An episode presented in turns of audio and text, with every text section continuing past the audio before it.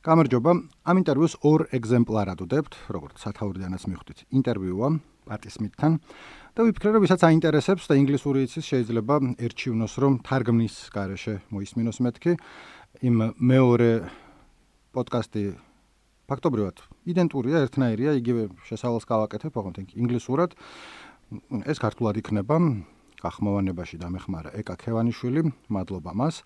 ორი წუთით შესავალს გავაკეთებ და მე მოგასმენინებთ ინტერვიუს. პატისმიც ახლა ბევრს არ მოგიყვებით, თუ ვინმეზე შეიძლება ითქვას, რომ ლეგენდა არისო ეს არის. სწორედ პატისმიტი პანკის პრინცესა, როგორც ახალგაზრდობაში ეძახდნენ, თვითონ ხუმრობს ხოლმე ამაზე და მე პანკის ნათლია გახდა Godmother, მისი სადებიუტო ალბომი horses იყო შთამაგონებელი, რა ვიცი, ყველასთვის მაიკლ სტაიპი ამბობდა. არიემის რო აი მაგას რომ მოусმინე მე გადავწყვიტე რომ მუსიკოსი გამختارიყავიო, მადონაც ასახელებს თავის გავლენად და კორტნი ლავიც და რა ვიცი, სულ ყველა. და მარტო ეს ალბომი არაა გამოშვებული, სხვებიც კარგები აქვს და იმის გარდა რომ მუსიკოსია, ლექსებს წერს, როგორც ამბობენ, კარგს, არა ვარ მე პოეზიის დამფასებელი, მაგრამ ნუ ისაა ჯილდოები აქვს მიღებული. ცოდნე ხალხი ამბობს, კარგიაო, ხატავს, ფოტოებს იღებს, წერს ავტობიოგრაფია გამოვიდა ქართულად შარშან, მისი უბრალოდ ბავშვები ქვია, სადაც არის ახალგაზრდობის ამბები და მისი ურთიერთობა რობერტ მეიპლთორპსთან ერთად, ასევე ლეგენდარულ ფოტოგრაფთან.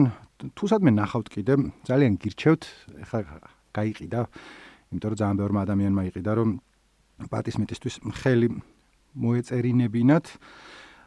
პატი იყო თბილისში ჩამოსული თბილისის მე-14 ფოტოფესტივალზე. ჩამოვიდა პროექტით Correspondences. ეს იყო ეს არის ერთობლივი პროექტი Soundwork კოლექტივთან ერთად. რომლის ლიდერი ხელმძღვანელი თუ რაც თამაგონებელი სტეფან კრაშნენსკი ასევე ჩამოსული იყო. და ესეთი პროექტი არა რომ ხმებს იწერენ უფრო საუნდვორ კოლექტივი იწერს სხვადასხვა ადგილას როგორც თვითონ საიძე არის აღწერილი სადაც ხმოვანი ნაკვალევია დარჩენილი პოეტების რევოლუციონერების და კლიმატის ცვლილებისო. მე აქედან ამას ზემოდან პარტი თავის ტექსტს ადებს შემდეგ ვიზუალს უკეთებენ და მოკლედ რაღაცა ეგეთი პროექტია რა რომელიც თან ეს არის არტ პროექტია შეიძლება უბრალოდ ისი ამოვნო მაგრამ ამავე დროს სათქმელიც აქვს ისევ კლიმატის ცვლილებაზე, ხელოვნებაზე, ომზე და ასე შემდეგ, ვინც იყო ყველას ძალიან მოეწონა და აღფრთოვანებული დარჩა. ჩვენ ველაპარაკეთ პატის აი ამ პერფორმანსის მეორე დღეს რუმსის სასტუმროში და მადლობა თამარა ჭანიშვილს რუმსის კომუნიკაციების გუნდიდან და სხვებსაც ალბათ, მაგრამ თამარასთან მქონდა კომუნიკაცია და კონდა ცოტა ხანი ინტერვიუს ჩასაწერად ხაცხადა ბევრი არ გვექნებოდა და არც ვიცოდი თავიდან ზუსტად რა ფორმა იქნებოდა, იმიტომ რომ აუდიო ინტერვიუზე დაგვთანხმდა პატისმეტი თავიდან. ანუ კამერა მაინც წავიღეთ, რომ რა ვიცი, ფოტოებს მაინც გადავიღებთ მეთქე და ბოლოს გითხრა რომ კაი გადაიღეთ ვიდეოცო, მაგრამ აწყობილი ვიყავით აუდიოსთვის, ამიტომ რაღაცა ნუ პატარა ვიდეო გამოვიყვანეთ უფრო პრომო და თან რა ვიცი ხა პატისმის რო ლაპარაკები გინდა რომ ყველანაირად ამ საუბრიდან სხვადასხვა რამეები გააკეთო და ერთ სამწუთიანი ვიდეოც გავაკეთეთ გვიდევს Facebook-ზეც და YouTube-ზეც ესეც უნდა იყოს ატვირთული. და როცა ველაპარაკებოდით, ანუ რაღაც ხანში ნახევარ საათში უნდა დაწყებულიყო ხელის მოწერა ციგნებზე და უზარმაზარი რიგი იდგა ხალხის. აა თითონეს მე მგონი გაეხარდა და მეც ძალიან ისე ვიყავი რომ აი რა ხელარი გია შეიძლება საათი საათთან ხელარი დაჭirdეს თქო და ცოტა ისე ვიყავი ხო იცი რომ გაწუხებს რომ ხალხს ალოდინებ უბრალოდ ჯერ არ ვიცოდი რომ ხალხს ალოდინებდი რომ გამოვედი მე მივხვდი რომ მეთქი ვიმე რამდენი ხალხი ყოფილა თქო მაგრამ ნუ 6-ზე იწყებოდა ხელის მოწერა და ჩვენ 5-ზე უნდა შევხვედროდით და ნუ 6-ის ნახევარზე 6-ის 20 წუთზე შევხვდით და მოკლედ 20 წუთი კარგად ვილაპარაკეთ, რასაც ახლა მოგასმენინებთ. პირველი ჩემი შეკითხვა არ დაურთე, მაგრამ ნუ გეტყვით, საიდან დავიწყე? ჩემი ამბავი გაუზიარე და მაგიტომ მეთქი აღარ არის საჭირო. ამდენი პირადი ამბები, ჩემი ის იყო რა, საიდან დავიწყე პატისმიტის მოსმენა? 96 წელს გამოუშვა ალბომი Gone Again და მაშინ უსმენდი აქტიურად მუსიკას. და სახელი კი გაგონილი მქონდა, მაგრამ მოსმენელი არ მქონდა Horses და რაღაცა. და ეს ალბომი თავის დროზე ძალიან მომეწონა. ესე უსმენდი და რაღაცნაირი ჩანაწერია, რომ აი ძიმე პერიოდი ქონდა პატისმიც როცა ეს ალბომი ჩაწერა. ნუ მეუღლე გარდაეცვალა, ძმაც ახალი გარდაცვლილი იყო და ერთი სიმღერა და მაგეებზეც არის სიმღერები. ერთი კურტ კობეინზე არის About a Boy. და მიუხედავად ამისა, არის დარდიანი არ არის. რაღაცნაირი იმედიანი ალბომია და აი რა ვიცი. ეგუთხარი რომ ეგეთი შთაბეჭდილება დამრჩა თქო და ასე მიპასუხა. I want to magnify the joy as well as the sorrow. მინდა რომ სიხარულიც ვაჩვენო და დარდიც. მინდა რომ ეს რაღაც სახით ჩაქსოვილი იყოს სიმღერაში. როდესაც ვინმეს კარგავ ეს გაჩვენებს თუ რაოდენ მნიშვნელოვანი იყო ის შენთვის. რაოდენ მნიშვნელოვანი იყო ჩემთვის. მაგრამ ამავე დროს ხედავ თუ რამდენად მშვენიერი იყო რომ მას იცნობდი. იცით მართლა არ მაინტერესებს ისეთი ბნელი სიმღერების წერა რომ ამოსუნ თქვის ან იმედის საშუალება არ მოგცეს. ადამიანებს ეს ყოველთვის სჭირდებათ. ცხოვრების რა ეტაპზეც არ უნდა იყოს ეს ყოველთვის აუცილებელი. So რადგან შეიძლება ცა იქცეოდეს, მაგრამ კი, ცა შეიძლება ჩამოიქცეს, მაგრამ შეგიძლია თქვა, აი, ცა იქცევა, ბალამაზი. And I think it's so important. დღეს ალბათ ეს განსაკუთრებით მნიშვნელოვანია, არა?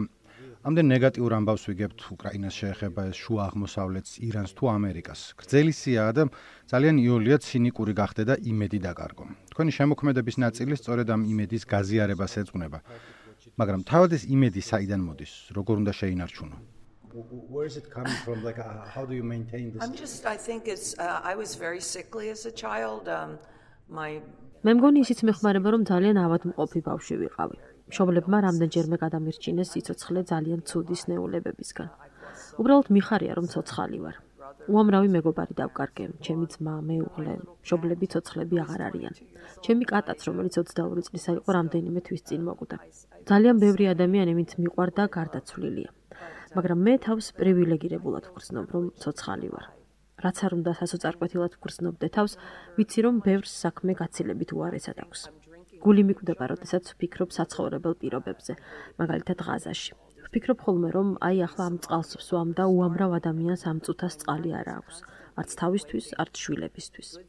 საჭმელად გავდივარ და ვფიქრობ, რომ ამდენი ადამიანია, ვთქვათ, სომალიში, ვინც შიმშილებს. გონებაში კარგ რამეებს მუდამ მოპირისპირებ ხოლმე სხვა ადამიანების უბედურებას, სხვების გასაჭირს. მაგრამ ეს ყველაფერი მუდამ მადლიერებას მასწავლის. მადლიერი ვარ რომ ეს წყალი მაქვს და ვცდილობ რომ ორივე შევინარჩუნო. იმის გაცნობიერებაც რომ სხვა ადამიანები იტანჯებიან და იმის მადლიერებაც რომ კარგად ვარ. სხვა მხრივ სულ სევდიანი ვიქნებოდი. უდამ გულგატეხილი ვიქნებოდი და ამას ვერ ვიზამ, რადგან შვილები მყავს, ხალხი მყავს, ვისაც ჩემი იმედი აქვს. ჩემი საქმე მაქვს, ჩემი მოწოდება. ასე რომ ბევრი რამ მაქვს, რისთვისაც შემიძლია მადლიერი ვიყო. I have my work, my work is a calling and um, so i have many many things to be grateful for you mentioned your work and you have uh, said several times how important ხშირად გიხსენებია თუ როგორი მნიშვნელოვანია შრომა შემოქმედების პროცესში. რომ მხოლოდ შთაგონება არ არის საკმარისი, საჭიროა იჯდე და აკეთო. თქვენ ამდენ სხვადასხვა სფეროში მიაღწიეთ წარმატებას, პოეზია იქნება ეს მუსიკა, ფოტოგრაფია თუ კიდევ ამდენი რამე. რა გიბიძგებთ რომ კიდევ ვიშრომოთ? What gives you the drive to work because like you've done so much for so long I well I just love to work um უბრალოდ მიყვარს მუშაობა. ჩემთვის ყოველდღიური შრომა, არ ვიცი, პურივითა. ცხოვრება ამის garaშე ვერ წარმომიდგენია. დიდი ხნის განმავლობაში მარტო ვიყავი. 1995 წელს დავკრივდი. ბავშვები მყავდა და ჩემი დღის დიდი ნაწილი მუშაობას ეძღვნებოდა. ცხადია მეგობრებიც მყავს, ოჯახიც მაქვს, მაგრამ საქმე ჩემი ერთ-ერთი უახლოესი მეგობარია. ეს წარმოსახვის გამოხატვა, ხედვის, რომელიც გინდა რომ სხვებს გაუზიარო. ეს ჩემი ცხოვრების ნაწილია მას შემდეგ, რაც 12-ის გავხდი. რამდენი გამოდის 60, 65 წელი. 65 წელია ყოველდღე ვმუშაობ. თუ შემიძლია. ახალგაზრდობას გინარჩუნებს. ყოველდღე თუ იმუშავებ, ახალგაზრდად დარჩები. It also keeps you young. If you work every day, it will keep you young. It also struck me in one of the ერთ-ერთ ინტერვიუში აღწერდით პერიოდს, როდესაც შემოქმედებითად აქტიური არიყავით და ბედნიერებას პატარა რამეებში პოულობდით. მეუღლეს პერანგზე ღილს უკერებდით, ბატს წვავდით, uh, sewing buttons on your husband's shirt or maybe cooking a goose or it was somewhere else. Yes. კი, ასე იყო, სარეცხსაც ვრეცხავდი. და ეს ძალიან შთამაგონებელი იყო. თქვენ ხომ მთელი ცხოვრება ხელოვნებას მიუძღვენით. მთელი ცხოვრება ხელოვნების წრეში გაატარეთ და მაინც ახერხებდით, რომ ყოველდღიურობაშიც დაგეჭირათ ხელოვნება. art in little things. Well, accomplishment or a sense of uh I mean, even in those days, I mean, the 16 years that I was not in the public in public life. ესეც იმის შეგრძნება იყო, რომ რაღაცას მიაღწიე. იმ პერიოდში 16 წლის განმავლობაში, როდესაც თვალს ვიყავი მოშორებული, ყოველ დღეს სწავლობდი. ადრე ვიღვიძებდი და ყოველ დღეს წერდი. ყოველდღიურად მუშაობდი. რამდენიმე საათი მაინც მქონდა, როდესაც ყველას ეძინა და ეს ჩემი დრო იყო. მართლაც მიხაროდა პატარა რამეები. სხლის ხე მქონდა. წლები გავატარე ნიუ-იორკში, ახლა კი სხლის ხე მქონდა. სარეცხს ვფენდი თოქზე მზეს რომ გაეშრო და ხელში მსხალი მივარდებოდა. ესეც ხომ წარმატებაა, პატარა წარმატება. თან ეს დედაჩემთან მაკავშირებდა. ორი შვილი მყავს. დედას 4 ხავდა. თან მიმტანად მუშაობდა.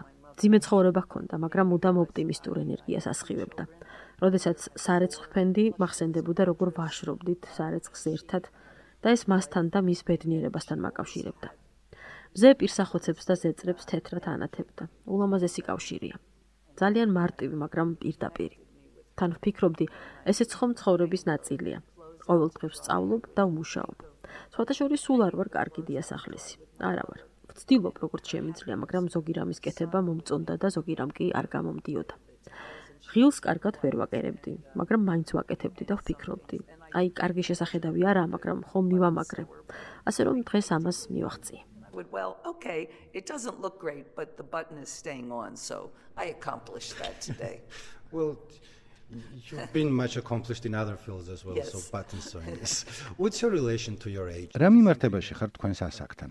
44 წლისა ვარ და ხშირად ვაპარაკობთ ხოლმე ჩემ თანატოლებთან, მეუღლესთან, რომ წესით თავს დიდებად უნდა გგრძნობდეთ, მაგრამ ვერ გგრძნობთ. Do you ever feel that? No, I've never felt I I არასოდეს მიგრძნია ასეთად თავი. მე უფროსი შვილი ვიყავი და მუდამ გრძნობდი პასუხისმგებლობას ჩემი დაძმების მიმართ. პასუხისმგებლიანი ადამიანი ვარ, ეგ მესმის. მაგრამ ეს არ ნიშნავს, რომ გავიზარდე. არასოდეს გავიზრდები. გონია რომ თუ ადამიანს აქტიური წარმოსახვა აქვს, ენთუზიაზმი აქვს და ამ ენთუზიაზმს არ კარგავს, შეუძლია არ იტარდოს რომ გაიზრდება. never loses that language of enthusiasm. They don't have to worry about growing growing up. Yes, I'm so რა კარგია რომ ამას ამბობთ, რადგან ჩემთვის ახალგაზრდობის განსახიერება ხართ.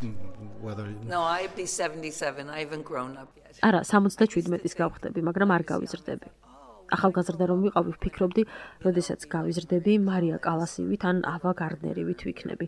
შავ კაბებს ჩავიცვამ და თეთრ ხელთათმანებს ან რამე ეგეც. მაგრამ ეგ დრო არ დადგა. რაც ვიყავი, ისევ ისე. Do you think about your appearance because you were talking in გარეგნობას ბევრ დროს უთმობთ. ციკში წერთ თუ როგორი მნიშვნელოვანია წინააღმდეგობები და თქვენც თითქოს ასეთი ხართ, ერთი მხრივ სტილის ლეგენდა ხართ, მაგრამ ამავე დროს ისე ჩანს თითქოს ამას ყურადღებას არ უთმობთ და attention to თავის it, it just თავად. happens naturally, Well, right? I, I this- just have sort of a uniform. I mean, I like fashion. Really, I've always loved fashion. ერთგვარი უნიფორმასავით მაცვია ხოლმე. მოდა მიყვარს. ყოველთვის მიყვარდა. მოდის ჟურნალებს ვათვალიერებ ხოლმე რომ ვნახო ხალხი როგორ იცვამს. სხვათა შორის ქართველებს სტილის კარგი გრძნობა აქვთ. ძალიან კარგი ახალგაზრდები არიან. ძალიან მომწონს როგორ აცვიათ. ჩემი თავი მახსენდება 1970-იანებში და ეს ძალიან მაგარია. საკუთარი თავის აღქმა გამაჩნია, მაგრამ შიში არ მაქვს, არაფერზე ვღელავ. მომწონს, როდესაც პრეზენტაბელურად გამოვიყურები. ისე როგორც მე მომწონს. მაგრამ ასაკის ან დაბერების არ მეშინია. არასოდეს გავიკეთებდი რამეს, რაც უფრო ახალგაზრდად გამომაჩენდა. მგონია რომ დავიმსახურეთ ასაკის იერები. მომწონდა, როდესაც შავი თმა მქონდა, ახლა ვერცხლისფერი თმა მაქვს. ესეც ასაკის საჩუქარია. ასე რომ ვამბობ, კარგი იყოს ასე. ჩემთვის შინაგანი სამყარო წარმოსახვის განვითარება უფრო მნიშვნელოვანია ვიდრე გარეგნობაზე ღელვა. The cultivation of my imagination. the period of შეიძლება ითქვას, რომ თქვენი შემოქმედება 70-იანებიდან 80-იანებიდან შემდეგაც გარკვეულ სცენას, კულტურას წარმოადგენს, ნიუ-იორკის სცენას. გიკვირთ, რომ ის დღემდე მთელს მსოფლიოში პოულობს გამოძახილს. აი, გარეთაც რამხელარიგია, ახალგაზრდების ბევრს 20-ც არ შესრულებია. უნდათ რომ ციგნზე ხელი მოუწეროთ და გინახონ. books or take a look at you. And so uh, it, for me this is I've weird never- part of art of I've never really thought of myself as a New York artist. Um, არასოდეს აღვიქვამდი თავს ნიუ-იორკელ ხელოვანად. სამხრეთ ჯერსის პატარა ქალაქიდან ვარ. ნიუ-იორკში ჩამოვედი. აქ მივახციე წარმოდებას. ბენდი აქ ჩამოვაყალიბე და კლუბ CBGB-ში გამოვდიოდით და ნამდვილად საინტერესო სცენის ნაწილი ვიყავით. მაგრამ შემდეგ მოგზაურობა დავიწყე და საკუთარ თავს ყოველთვის აღვიქვამდი როგორც უფრო გლობალურ ადამიანს, რომელსაც მთელი მსოფლიოს ახალგაზრდები აინტერესებს. მათ ჯერ კიდევ 1970-იან წლებში ამას ვეუბნებოდი ხოლმე. მეტყოდნენ, აი ჩვენ არა გვაქვს, შენ გაგიმართლა, ნიუ-იორკიდან ხარ, იქ CBGB გაქვთ. ჩემთვის კი CBGB უფრო გონების მდგომარეობაა. ისე კი უბრალოდ ბინძური კლუბია. შეგიძლია რაიმე ადგილი გამონახო და შენად აქციო. თავარია ხალხი, თავარია საქმე. შენი გასაკეთებელი უნდა გააკეთო. მე არ საიდან მოვედი და ამიტომ ბევრი რამ არ ვიცოდი. არავინ მიცნობდა. ციგნის მაღაზიაში ვმუშაობდი. სხვებსაც ამას ვეუბნები. შეგიძლია შენც ასე მოიქცე. ადექი და ბენდი შექმენი. თავი გამოხატე. შემოქმედებითად ან პოლიტიკურად. როკენროლის ახალხო ხელოვნებაა, ხალხისთვისაა. ახალგაზრდებს მუდამ ვეუბნები. ნუ შეგეშინდებათ და ხელში ელექტროგიტარა დაიჭირე. You know, not not to be afraid to pick up an electric guitar. And it's also about connection. კავშირებიც მნიშვნელოვანია, არა? როდესაც თქვენ ციკლს კითხულობდი დამჭა შთაბეჭდილება, რომ თქვენ და რობერტ მეპლტოპს გაგიმართ. You and Robert both were. კავშირებიც მნიშვნელოვანია, არა? როდესაც თქვენ ციკლს კითხულობდი, დამჭა შთაბეჭდილება, რომ თქვენ და რობერტ მეპლტოპს გაგიმართლათ, რომ ერთმანეთს შეხვდით. ორივენი ცხადია საოცრად ნიჭერები იყავით, მაგრამ თან ერთმანეთზეც ახდენდით გავლენას. ეხმარებოდით, ხარს უჭერდით ერთმანეთს და ამიტომაც საბოლოოდ მიაღწიეთ იმას, რასაც მიაღწიეთ. Well, I think that? Robert, how we we we really we both had um, a unique perspective and and a aesthetic point of view. ჩვენ ორივე საკუთარი პერსპექტივა გვქონდა და ესთეტიკური ხედვა, რომელიც ხშირად განსხვავდებოდა. მაგრამ ჩვენ ერთმანეთის გვჯეროდა. 20-ის ვიყავით, როდესაც ერთმანეთს შევხვდით. ორივენი აუთსაიდერები ვიყავით. ცოტა მოუქნელები გახდით. არავინ გვიცნობდა. მას ჩემი სჯეროდა, მე კი მისი და ერთმანეთს პატივს ვცემდით. მხოლოდ რომანტიკაში არ არის საქმე. კი, ახალგაზრდობაში რომანტიკაც გვაკავშირებდა და ესეც მშვენიერი იყო, მაგრამ რაც უფრო მნიშვნელოვანია, ერთმანეთის გონებას და საქმეს პატივს ვცემდით და საქმეში ვედექით გვერდში. ეს არასოდეს დაგვიკარგავს. არც მაშინ, როდესაც ერთად აღარ ვიყავით, როგორც ბოიფრენდი და გერლფრენდი. ამას დღესაც ვგრძნობ. საკუთარი თავის რწმენას, რომლის ჩამოყალიბებაშიც რობერტიც დამეხმარა. ეს იყო საჩუქარი, რომელიც მთელი ცხოვრება გამყვება. დარწმუნებული ვარ, რომ რაღაც მასაც შევძინე.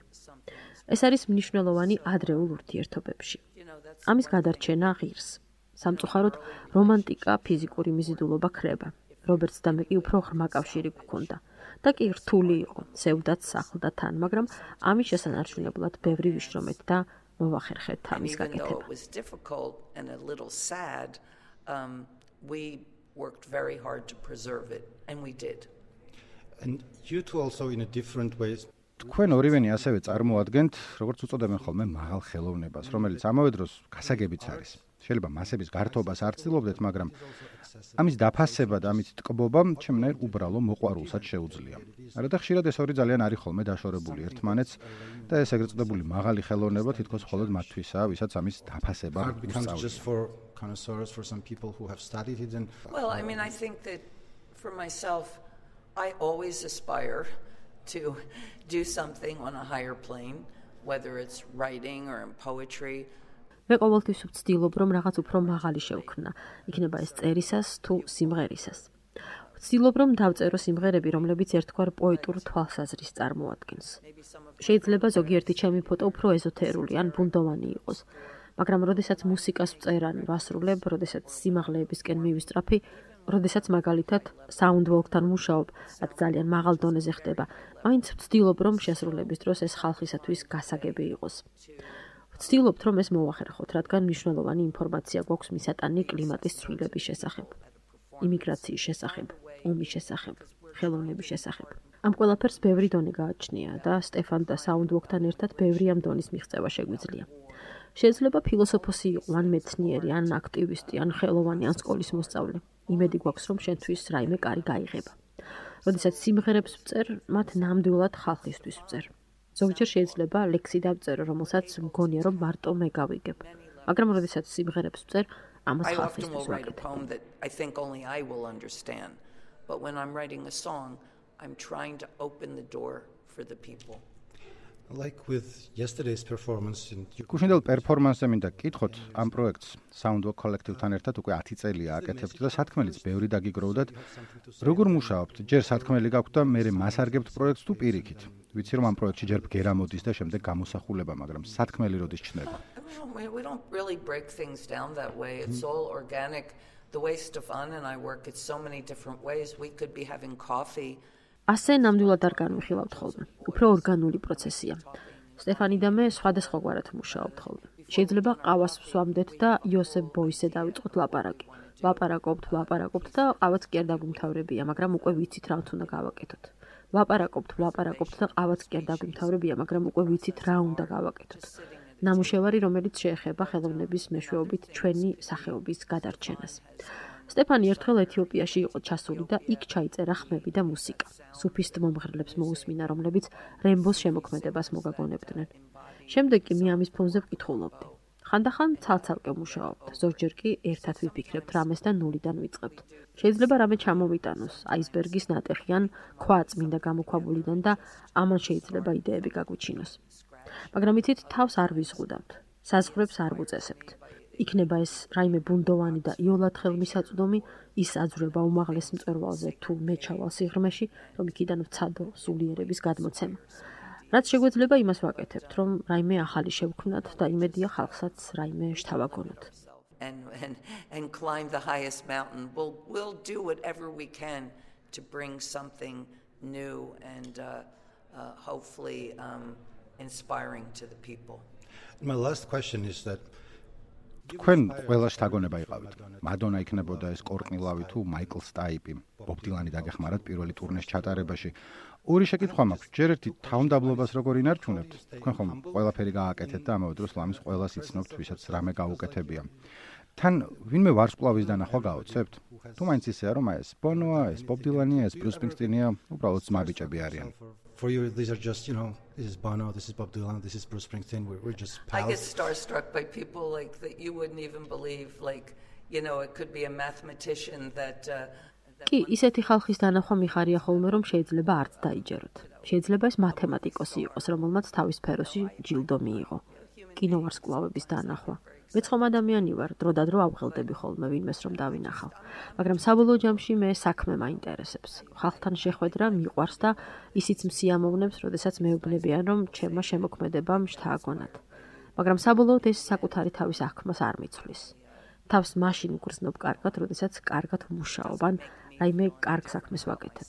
როდესაც კარგი დედა ვარ, ჩემთვის მნიშვნელობა არ აქვს ჯილდოებს და მედლებს და ცნობილ ხალხთან შეხვედრას. ეს ყველაფერი საინტერესოა, ამაღელობელიც, მაგრამ ყველაზე უფრო ამაღელობელია ერთი სრულყოფილი წინადადების დაწერა. All that is interesting and even exciting, but uh, nothing more exciting than to write one perfect sentence.